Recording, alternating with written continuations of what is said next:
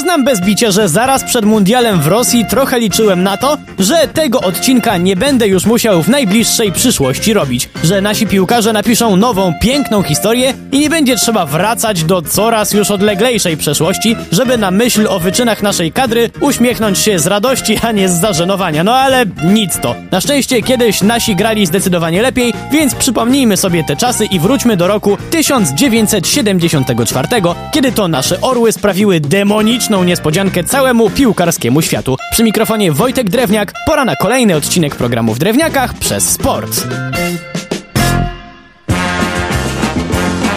Albo nie, cofnijmy się jeszcze bardziej, bo może nie każdy wie, ale Mundial w 1974 wcale nie był debiutem naszej kadry na tej imprezie. Reprezentacja Polski po raz pierwszy zagrała na mistrzostwach w roku 1938, a więc w trzeciej edycji tej imprezy. Nasi nie zagrzali jednak długo miejsca na francuskich boiskach, a w sumie to na boisku, bo jedyny mecz zagrali z Brazylią i choć było blisko, to po porażce 5 do 6 wracali już do domu.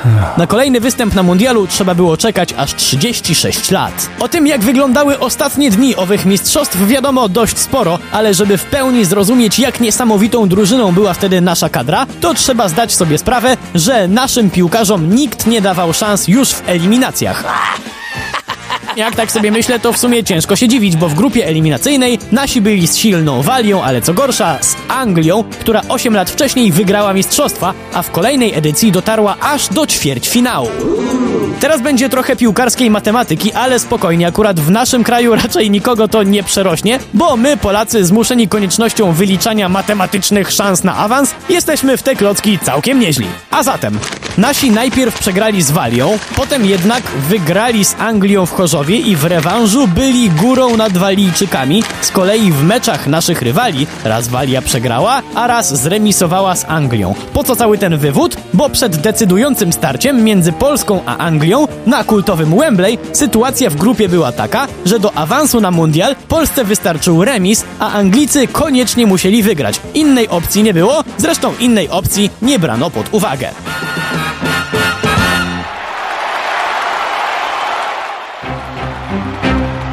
17 października 1973 roku, zaraz po pierwszym gwizdku, Anglicy rzucili się do ataku, jednak polski bramkarz Jan Tomaszewski tego dnia był niesamowity. I nie chodzi tylko o to, że generalnie był bardzo dobrym bramkarzem. Był jeszcze do tego wściekłym bramkarzem, bo jakiś czas przed spotkaniem legendarny angielski trener Brian Cloak nazwał naszego bramkarza cyrkowym klaunem w rękawicach. Polski golkiper postanowił udowodnić Anglikowi i generalnie całej Anglii, że nie warto go drażnić. Pierwsza połowa skończyła się bezbramkowym remisem, jednak to nie był koniec, bo ku przerażeniu Anglików nasi zapakowali im bramkę 10 minut po wznowieniu gry. Niestety Polacy zbyt długo się nie nacieszyli, bo Allen Clark wyrównał w jedynej sytuacji, w jakiej tego dnia można było pokonać Tomaszewskiego z karnego. Jednak na więcej Anglików nie było tego dnia stać. Zostali w domu, a to nasi jechali na mistrzostwa. Daleko zresztą nie mieli, bo impreza w 1974 odbywała się w zachodnich Niemczech.